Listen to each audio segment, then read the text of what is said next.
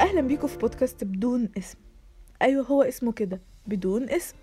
على رأي كينج لا يهمني اسمك ولا يهمني عنوانك. والبودكاست ده عن الكورونا.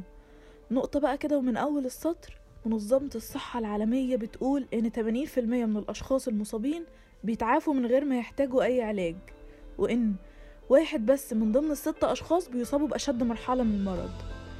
هدفي الأول والأخير من البودكاست ده إنك تكون واعي ومطمن وريلاكس.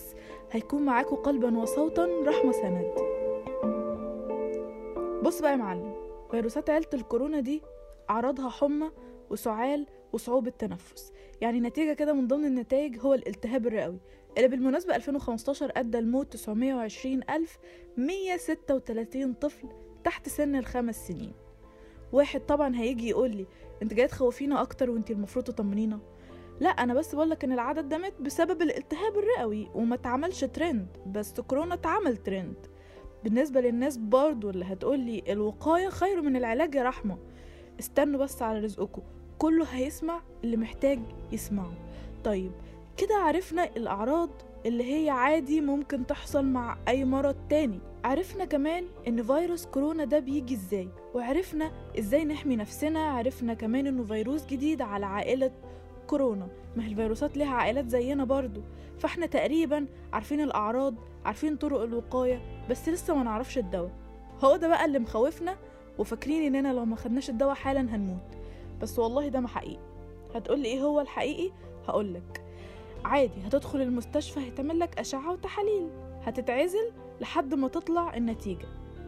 النتيجة بقى سلبية هتمشي. وهنا نقطة مهمة هي إنك حتى لو مشيت فأنت ممكن تكون حامل للمرض. فلازم تعمل عزل منزلي أو لا قدر الله تحليل إيجابي يعني عندك الفيروس. وهنا المستشفى هتحافظ عليه هتعمل لك بقى عزل عشان ما تعديش حد فيزيد عدد المرضى وما نلاقيش سراير. هتعمل لك برضو إجراءات طبية عشان حضرتك تخف. إحنا ياما بقى بيتحجز لنا ناس كتيرة في المستشفى وفي العناية المركزة وبيخفوا وبيطلعوا سلام وعلي العال هو بس الفرق إن المرض ده بدون علاج لحد دلوقتي. فإحنا عايزين نديهم الفرصة إن هم يلاقوا علاج يبقى ما نكترش عدد المصابين بالمرض. بس في كل الحالات مش هيضربوا عليك نار أو هيعبوك في اكياس ويرموك أو حتى هتموت في نص دقيقة زي الأفلام الأجنبي. واحد بقى يجي يسألني هو أنا أول ما أكح هروح المستشفى؟ لا طبعا. طيب تعمل إيه لما تظهر لك الأعراض؟ الأعراض اللي هي تاني سخونة وكحة وصعوبة تنفس. وبما إني بقول لكم الكلام ده بعد ظهور الفيروس بثلاث شهور فأكيد دي ناس ملتزمتش أو ناس التزمت بس لا قدر الله جالها المرض قبل ما تدرك خطورة الموضوع. يا ترى بقى الناس دي يعملوا إيه؟ يصوتوا ينتحروا يستخبوا عشان ما يتقالش عليهم عندهم كورونا يعني؟ ولا محمد منير؟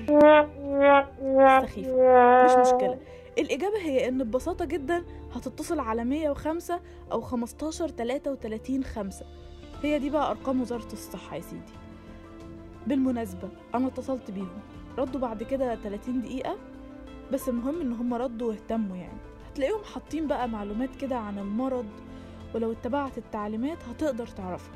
زي إزاي بيتم العزل المنزلي؟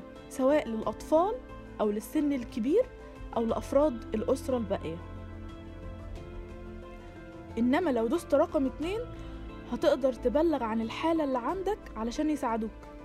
تاني حاجة بقى يا معلم ما تنساش تلبس الكمامة أو الكمامة. بالمناسبة ده المفروض يحصل في أي عدوى تخص الجهاز التنفسي مش عشان المرض خطر يعني.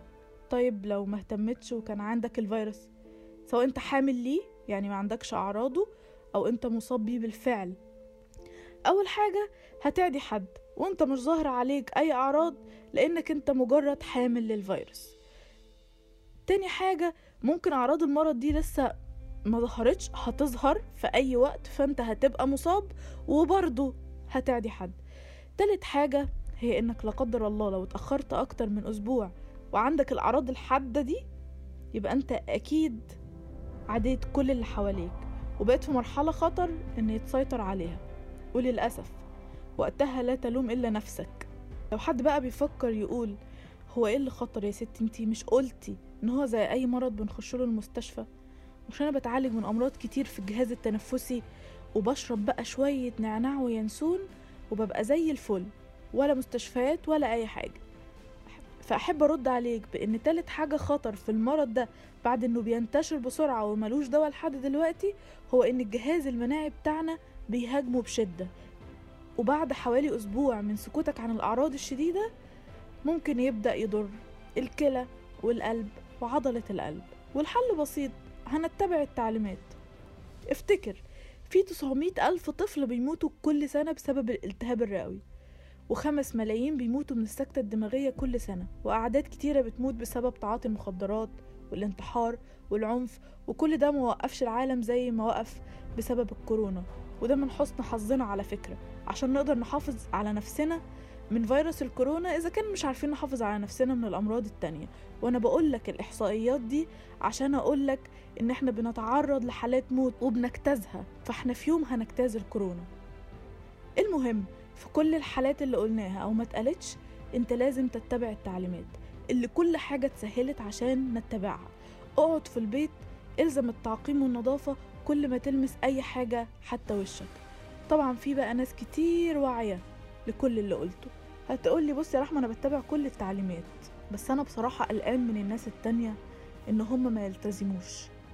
فأنا بعمل شير كتير عن الأعداد ونسبة الوفيات عشان بس نزود وعي الناس بإنه موجود وإنه فعلا خطر. عايز أقولك إن أنا أحترمك إنك عايز توعي الناس بس أنت مش مصدر لنشر المعلومة زي الصحفيين ووسائل الإعلام عشان ده يكون واجب إلزامي عليك.